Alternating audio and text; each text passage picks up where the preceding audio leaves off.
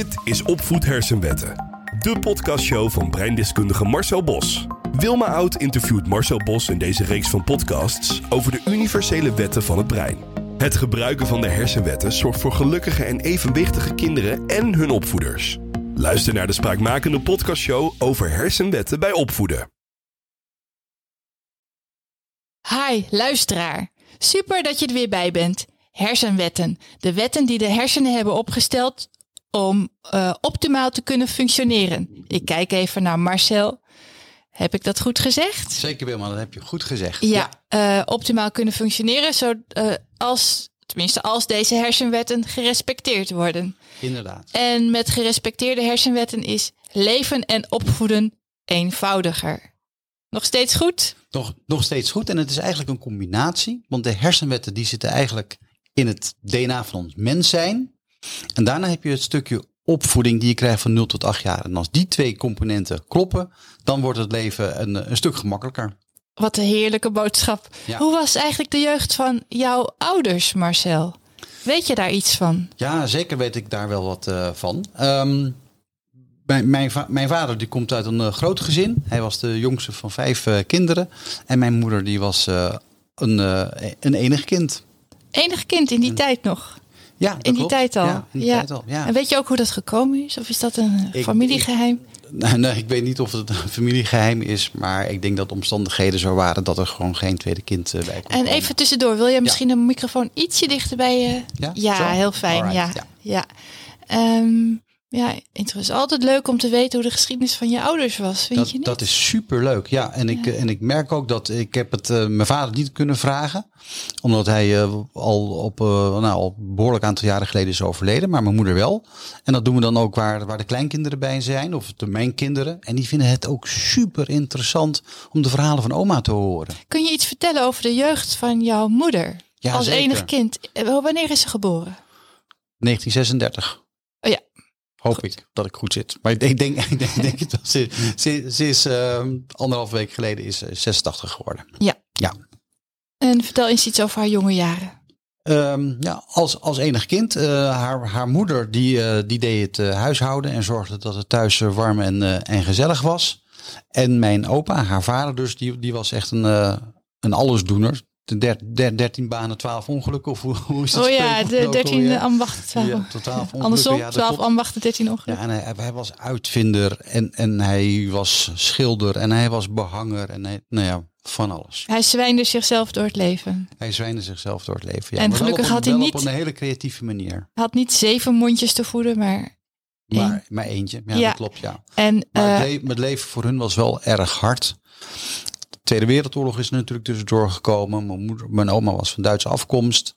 Ehm, en uiteindelijk is ze vrij jong over, overleden. En toch, eh, zo, zo gaat dan ons familieverhaal toch eigenlijk uit verdriet. verdriet om Ja. dat. De gebeurtenissen in haar leven. Van je oma heb je het nu Ja, over. Wat gebeurde oma. er in haar... eh, Ja, dat, dat, dat, dat weet ik niet eh, precies. Dat Nee? weet ik niet precies, nee. Maar dat heeft wel, als ik dan kijk naar mijn moeder en dan ook weer kijk naar mezelf natuurlijk.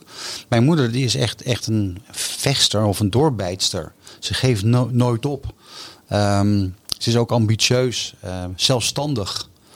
En ik denk dat dat eh, wel een aantal concepten zijn die ik echt van haar over heb genomen. Hoe heet je moeder? Mijn moeder heet Noor. En, en, en dat, zo wordt ze genoemd, maar haar, haar officiële naam is Eleonora. En Eleo, mijn opa heette Leo. Ja, ja. En als, ja. en als je naar mijn namen kijkt, hè, want ik heet Marcel, Gerardus, Leonardus, Paulus. Mhm. En Gerardus is mijn ene opa, Leonardus is mijn andere opa. En Paulus is, eh, is de naam van mijn vader. ja, Dat en, compenseert dan toch een klein beetje voor de hele korte achternaam, Bos. en vertel eens iets over je vader als je wil. Ja, mijn vader die was eh, jongste van, eh, van vijf eh, kinderen. Zijn vader die heeft in de avonduren heel hard moeten studeren om uiteindelijk registeraccountant te komen en te helpen om zijn gezin boven te, te, houden. En ik denk dat, dat mijn vader ehm, geleerd heeft als, als jongste, want dan loop je er een beetje achteraan, om eigenlijk niks voor waar aan te nemen. Wat mensen jou vertellen van wat je moet doen en hoe je het moet doen, wat het voor jezelf op onderzoek uitgaan. Mhm. En dat is ook een karaktereigenschap die, eh, die ik zeker heb overgenomen van hem. Waar ik me ook echt ongelooflijk dankbaar voor ben. En als je direct mijn boek leest, dan, dan, dan zul je dat ook zien. Dat, dat ik dus op heel andere conclusies uitkom dan wat we vanuit de maatschappij aangeleerd krijgen. Is het zo dat jij zoekt naar de waarheid? Of kun je dat niet zeggen? Nee, dat kun je niet zeggen, want waarheid bestaat niet. Waarheid is ook maar een concept voor ons brein om te zorgen dat we ons ergens zeker over kunnen voelen. Zelfs als het de schijnzekerheid is, is het voor het brein nog steeds zeker. Ik ben veel meer op zoek altijd van, werkt het voor mij of werkt het tegen mij? Dat is een veel makkelijker criterium voor je brein om te toetsen. En als je tot de conclusie komt dat het tegen je werkt, dan kun je in de creativiteit die in jouw systeem zit op zoek gaan naar wat dan wel voor je werkt. Um, ja, uh, wij veertigers, vijftigers, zestigers ook wel hebben allemaal ouders die rondom de oorlog zijn geboren. Zeker. Opgegroeid. En dat heeft, ons, dat heeft hen gevormd en ons ook. Ja, dat, dat heeft hen zeker gevormd. Uh, mijn vader heeft er altijd uh, veel moeite mee gehad om eh, Duitsers als Duitsers te benoemen. Want hij bleef het altijd over moffen hebben. Voor mijn moeder lag dat natuurlijk wat anders. Uh, zeker ook omdat haar eigen moeder uh, Duitse, Duitse oorsprong was. Maar dat, dat, dat, dat stukje van, zelfs als je wat hebt, dan geef je niet toe dat je iets hebt. Dus, en altijd maar door blijven gaan. Rug recht houden. Niet zeuren, niet, niet, niet zaniken. Gewoon voorwaarts mars. Niet opgeven ja, dat, dat, dat zie ik wel heel erg uit die, uit die generatie. En, ook uit, uit, uit de, de, vrienden die mijn vader en moeder hebben. De hechte vriendenclub uh, die, die mijn moeder heeft. Mijn moeder heeft echt gewoon een vrienden die ze al gewoon 70 jaar kent. Of 75 jaar vrienden mee is. Ja. Ja, Dat, dat had je uit die tijd ook nodig. Vrienden om te kunnen overleven. Dus die hechten daar een ongelooflijke waarde aan. In je boek vraag je de lezer om uh, soms dan denkbeeldig de eigen ouders te interviewen. Ja, dat klopt. Omdat, ja. omdat nou, mijn, mijn, vader die was al overleden, dus ik, dus ik heb hem geïnterviewd. Ik heb een, een gesprek met hem gevoerd, om, om zo maar te noemen, terwijl ik bij zijn graf stond. Um, en hem, en hem vragen kunnen stellen hoe, hoe zijn jeugd was en, en wat hij heeft meegemaakt en wat hem heeft gemaakt als, uh, als, als man en hoe hij dat allemaal geprobeerd heeft. Nou, mijn moeder heb ik in het echi kunnen doen. En het, en het bijzondere daarvan is, is dat je dus vanuit de dingen die zij hebben meegemaakt veel beter kunt begrijpen waarom ze zijn zoals ze zijn. Welke regels ze jou hebben meegegeven. En je herkent dan ook de patronen bij jezelf. Van, oh, maar dat heb ik eigenlijk van mijn vader en dat gedeelte heb ik van mijn moeder. En dat stelt je dan voor jezelf in staat van, ja, maar heb ik dat alleen maar van hun overgenomen in een soort van aapjesgedrag? Hè? Een soort van plagiaatsysteem om mm. automatisch te kopiëren. Of is het niet heel erg slim om een keertje te onderzoeken of dat nou wel voor mij werkt eigenlijk of niet? Wat is, um, als je het samenvat, de levensles die je van je ouders hebt meegekregen? Nou, mijn vader die, uh, die, die, die, was een optimist tot in de kist. En, en, en wat daar, ja, dat klinkt natuurlijk misschien een beetje morbide, maar mijn vader vloog bij de KLM en een vliegtuig wordt een kist genoemd. Ja. Dus vandaar optimist tot in de kist. Dus mijn vader zag dingen altijd uh, vanuit de, de zonnige zijde. Ja, ik denk dat ik dat, dat ik dat zeker van hem heb overgenomen. En dus inderdaad niet alles klakkeloos aannemen wat mensen tegen je zeggen. Maar kijken hoe je zelf tot je eigen mening kunt komen. En ook te onderzoeken welke informatie je daarvoor nodig hebt. En van, en van mijn moeder toch dat echt dat stukje van niet opgeven. Uh, rugrecht uh, houden. En, uh, en ja, een stuk ambitie. Ja. Mm, ja, ouders denken altijd dat ze de architect zijn van het levensgeluk van hun kinderen. En tegelijkertijd lijden ze, in mijn uh, beleving, ja. onder ouderschapsfaalangst. Ouderschapsfaalangst, wat, wat, een, wat een aparte benaming dat is. Denk, ja. ouders spelen natuurlijk een ongelooflijk belangrijke rol in de opvoeding van hun kinderen. Maar je kunt niet alles wegschrijven op, op de rol van, van de ouders er zit ook gewoon iets eigenheids van het kind zelf. Want het is een samensmelting van 50% DNA van de vader en 50% van de DNA van de moeder. Die samen een 100% nieuw DNA vormen. Hm? Dus kinderen hebben daarin zelf ook, denk ik, ehm, een belangrijke verantwoordelijkheid.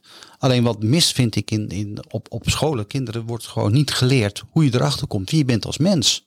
En dat ligt dus niet zozeer aan de ouders, maar gewoon aan het ontbreken van die oh zo belangrijke informatie informatie over? Over hoe het brein werkt. Hoe, hoe, hoe, hoe kom je erachter wie je bent als mens? Ja. Nou, daarvoor heb je wel breinkennis nodig om, om daarin het juiste pad te kunnen volgen. En elke generatie ouders maakt ook weer eigen unieke fouten, hè? passend bij hun eigen unieke tijd. Eh, kijk maar naar deze. We hadden het voordat we hier begonnen deze podcast even aan de maatschappelijke veranderingen. Ja. Hoe, hoe, dreigend die soms ook zijn. Of ja. hoe dreigend die lijken Ja, je, Ja. je, hebt, je hebt natuurlijk altijd actie en reactie. En zo gaat het altijd. Dus als ik kijk naar mijn opa en oma, die waren nogal eh preuts. Ja, Mijn vader en moeder, die komen dus zeg maar uit de power flower tijd. Dus dat was het tegenovergestelde van, eh, van preuts.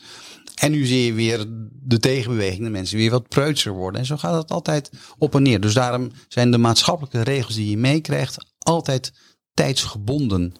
Ehm, het, is dus ook, het, zou dus niet juist zijn om mensen te beoordelen op de maatschappelijke mores van het tijdperk waarin ze zijn opgegroeid.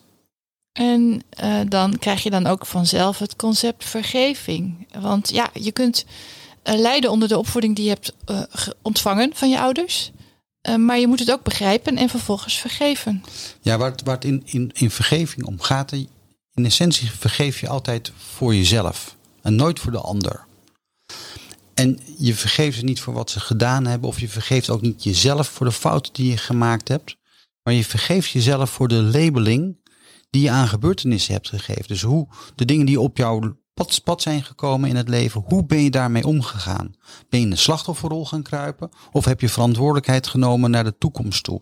Heb je, heb je het lef gehad? Heb je de ballen gehad om zeg maar, de waarheden die je aangeleerd hebt gekregen, om die te onderzoeken of die wel of niet bij jou passen? Ondanks dat dat soms best wel een, een, een vervelend gevoel kan geven. Daar, daar jezelf in vergeven. Dat is veel belangrijker dan, dan het vraagstuk van het was hun schuld of niet schuld. En eh, omdat ze schuldig zijn, maar gaan ze vergeven en zo. Er zijn allemaal kunstmatige dingen. Dat, dat, dat werkt niet zo heel prettig voor het brein. Ik wil even terug naar eh, het begrip slachtofferrol. Ja. Ja. dat wordt altijd maar weer overal gebruikt, slachtofferrol. Ja. Wat is nou exact de slachtofferrol? Kun je Dus- het beschrijven? Ja, de, de slachtofferrol is dat je eigenlijk externe factoren de schuld geeft van jouw gevoel. Dus al op het moment dat ik tegen jou zeg, oh Wilma, wat je nu tegen hem hebt gekwetst, nu heb je echt mijn gevoelens gekwetst. Dan ga ik in de slachtofferrol, want ik geef jou de schuld van hoe ik mij voel. Dat is de slachtofferrol. En, en, en daar, daar kun je niet uit groeien. Daar, daar kun je niet stapjes mee verder gaan. Het is pas op het moment dat ik verantwoordelijkheid neem naar mijzelf toe. Dat ik mijzelf reprogrammeer in die opvoedregels. Dat jij mij niet kunt raken. Op het moment dat ik in balans ben. Dan kan ik niet geraakt worden door, jou, door jouw woorden. Dus de oplossing ligt altijd in mezelf. En ik kan wel externe factoren daar de schuld van gaan geven. Maar er zit nooit de oplossing in. Ja, maar doe het maar eens. Stap maar eens uit die slachtofferrol. Hoe doe je dat? Ja, hoe, hoe doe je dat? Nou, je- brein heeft er ongeveer 30 dagen voor nodig om dat te doen. Mhm. En dan moet je wel precies weten hoe het brein werkt. En dat leg ik natuurlijk uit in, in, in mijn boek. Ehm, en, het, en het begint met te herkennen dat een ex, wat, externe factoren zijn die jou triggeren. En daarna ga je bij jezelf op zoek. Maar wa- waarom triggert mij dat? Wat zit er in mijn geloofssysteem? Wat zit er in mijn overtuigingen? Waardoor ik mij gekwetst voel of geraakt voel of beledigd voel. Want je hebt zelf de vrije wil en echte keuze om je daardoor niet te laten ehm, beïnvloeden. En, en je kunt daar een andere waarde aan geven. Om een voorbeeld te geven, eh, het, het, het woord klootzak.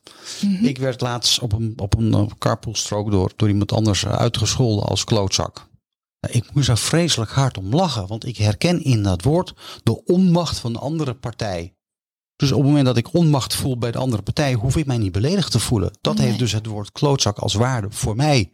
En ik ben dus zelf verantwoordelijk voor de waarde die ik hecht aan een bepaald woord. Dat is mijn vrijheid. Ik, Ja. ik, ik mag in mijn vrijheid kiezen voor elke betekenis van een woord. Je laat het bij de ander. De verantwoording. Nee, mijn, mijn, brein ziet het woord klootzak gewoon echt als heel wat anders dan wat hij waarschijnlijk bedoeld heeft. En mijn brein komt niet eens tot de conclusie dat ik, dat ik geraakt zou kunnen zijn. Op het moment dat je het bij de ander laat, ja, dan heb je een soort van kunstmatige manier gevonden om ermee te dealen. Maar je voelt je nog steeds toch ergens eens beledigd. Dat is niet waar ik het over heb. Oké, nog even terug naar het eh, begrip vergeving. Ja. Is het het loslaten van de hoop op een beter verleden? Het, het loslaten van de hoop op een beter verleden. Ja. Wat bedoel je daar precies Nou, ik, mee? ja, stel dat je eh ergens wrokkig bent ten aanzien van iemand die jou iets heeft aangedaan. Maar wat je nu zegt is een mooi voorbeeld van dus in een slachtofferrol gaan zitten. Je geeft de externe factor de schuld, want zij hebben jou wat aangedaan. Maar de kracht zit in jezelf. Je hoeft het helemaal niet op die manier te ervaren. Je kunt het ook ervaren als een hele wijze levensles die je nodig hebt gehad om de mooie persoon te vormen die je vandaag de dag bent. Mag je boos zijn? Heeft boos zijn een functie? Nou, ik denk dat je, boos zijn heeft zeker een functie. Het heeft een biologische functie. Boos zijn zorgt ervoor dat je, dat je tijdelijk wat sterker wordt en dat je jezelf kunt verdedigen in een, in een bedreigende situatie. Dus dat is de biologische functie van boos worden. Alleen veel mensen misbruiken dat. Dus als jij iets tegen mij zegt wat ingaat ten opzichte van wat ik geloof, dan maak ik ook hormonen aan. En mijn brein vindt dan dat ik dan boos mag worden. Nou, dat is ongeveer het domste wat, er, wat je kunt doen. Want er gebeuren er drie dingen. Ten eerste maak ik hormoon aan. Waardoor ik toegang tot mijn intelligentie verlies. Dan dingen tegen jou zeg waar ik later spijt van heb. Mhm. Ten tweede, ik verander jouw gedrag er niet mee met boos worden. Dus het is volledig zinloos. En ten derde, de hormonen die horen bij boos worden, zorgen ervoor dat je je gezondheid ernstig bedreigt. Niet als je één keer per jaar boos wordt, hè, maar als je toch wat structureler boos wordt, dan, dan is dat super ongezond. Dus, dus boos worden is gewoon kinderachtig gedrag. Het is soms wel heel fijn. Voor wie? Voor jezelf? Voor jezelf, ja. Om even die boosheid eruit te gooien. Is het, is het, is het fijn om je gezondheid uh, te grabbel te gooien? Eventjes, even heel boos. Als je eventjes boos wordt en als het één keer per jaar gebeurt, bij wijze van spreken, of één keer per maand, dan is er helemaal niks aan de hand. Maar als je, als je, als je structureel boos bent, geïrriteerd bent, teleurgesteld bent, zagrijnig bent, dan, dan is er maar één persoon die je er in essentie mee hebt en dat is jezelf. Uh, mij valt altijd op dat iedereen op uh, deze wereld hetzelfde wil, namelijk uh, familie, een huis, iemand om lief te hebben, warmte.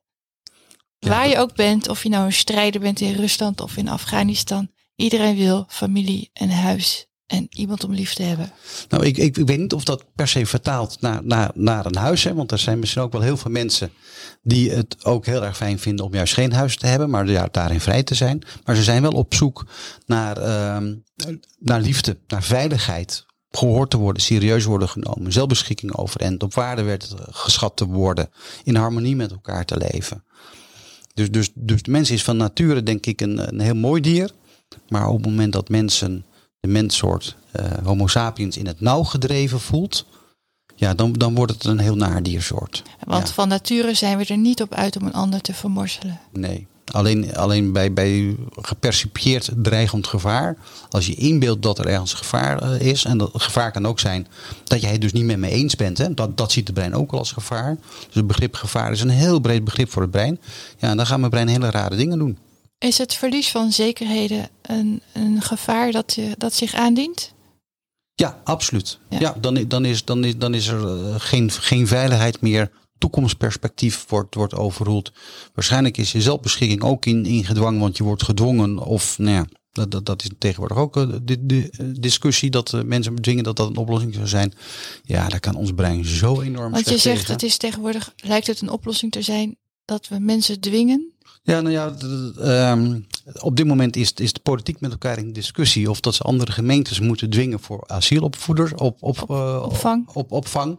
Ja. En je ziet de weerstand die ontstaat in de hele maatschappij. Ja. Dit, dit, dat is, ik wil daarmee niet zeggen dat de oplossing misschien geen goede oplossing is, maar op het moment dat je mensen gaat dwingen, ja, dan, dan, dan raakt het brein. Uh, ik wil niet zeggen in, in, in de paniek, maar toch, toch echt in de weerstand, in een sabotagestand. En gaat dan gewoon hele, hele rare dingen doen. Want jij bekijkt alle maatschappelijke veranderingen en de reuring vanuit de positie van het brein hè, en niet vanuit een politieke keuze of kleur. Dat, dat, dat klopt, ja. ja, ja. Uh, kun je iets vertellen over intentie? Wat is intentie? Ja, wat is intentie? Um, er, er, er is in, intentie, dat kan zijn dat ik vanuit mijn intelligentie bedenk dat het verstandig is om een kilootje af te vallen. Dus dan heb ik de intentie om af te vallen. Dus dat is een soort van voornemen waarvan die, waarbij de intelligentie vaak een hele grote rol heeft gespeeld. Mm -hmm. Alleen met intentie zet je helemaal niks in beweging. Alleen met intentie, want? Nou, joh, gedrag heeft een, een neuraal netwerk voor nodig om een gedrag te kunnen uitvoeren. Een soort van snelweg of, of software of hoe je dat ook wil noemen.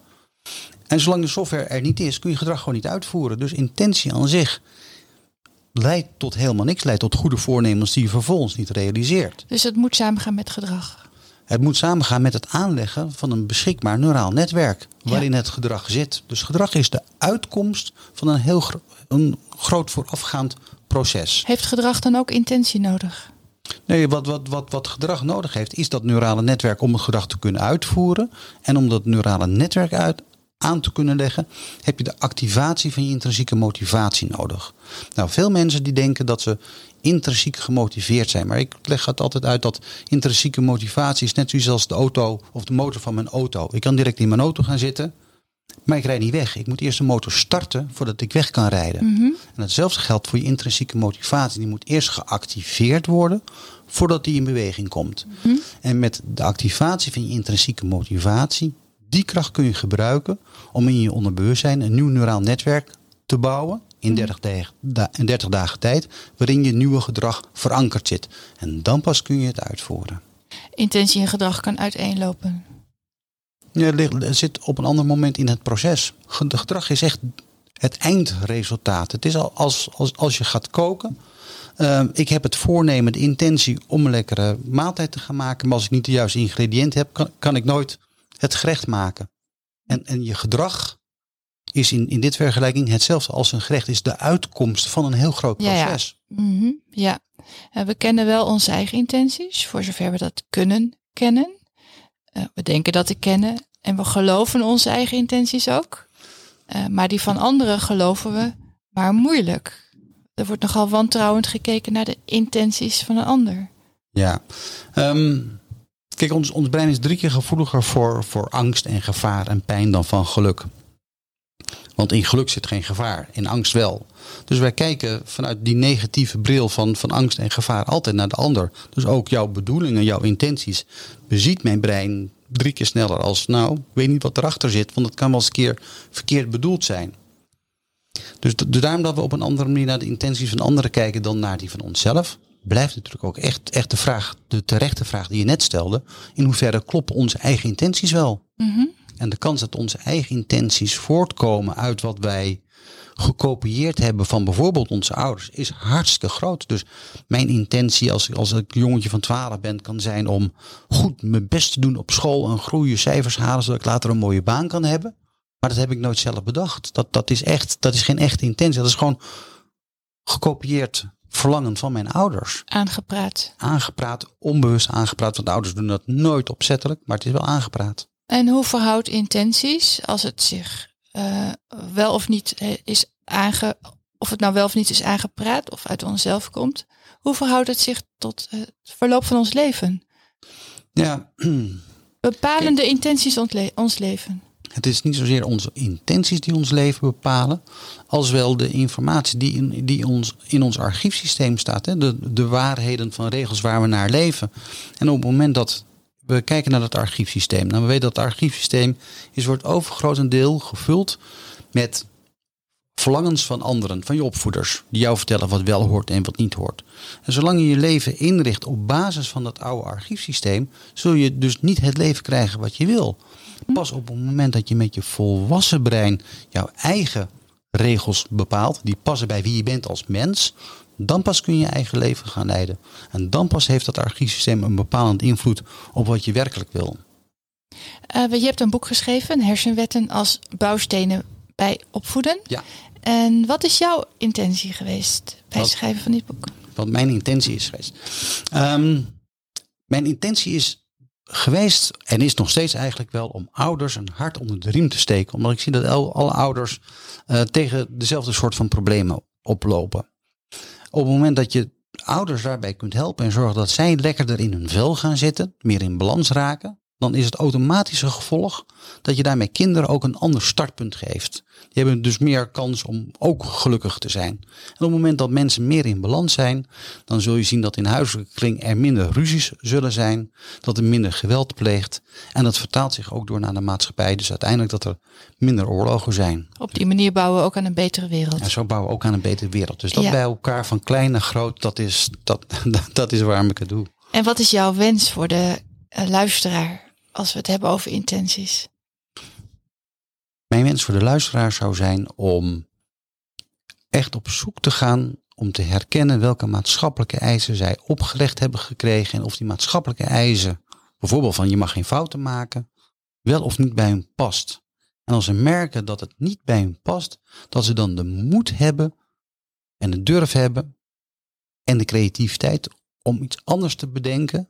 Om die zoektocht aan te gaan om te bedenken wat dan wel beter bij ze past. En dat ook echt uit te gaan proberen. Dat lijkt me een ingewikkelde, maar ook een hele mooie opdracht. Ja. ja, uh, mooie afsluiting ook. Je hebt uh, deze week ook weer muziek meegenomen, Marcel? Ik heb deze week ook weer uh, muziek ja. meegenomen. dat is van de Flexicon en Jeff. En het liedje heet Mother's Day. Heel mooi. We ja. gaan het even laten luisteren aan de luisteraar. Ja. En uh, ik dank je wel dat je hier weer was. Ja. En ook de luisteraar, dank je wel. Super dat je er altijd weer bij bent. Heb je vragen? Stel die aan Marcel via info.hersenwetten.nl En voor nu zien we je graag bij de volgende podcast. Tot dan.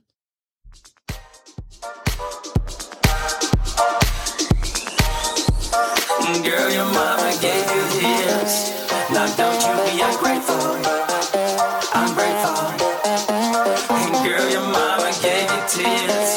Now don't you be ungrateful. Ungrateful. Girl, your mama gave you his. Now don't you be ungrateful. Ungrateful. And girl, your mama gave you tears. Now shake this what you.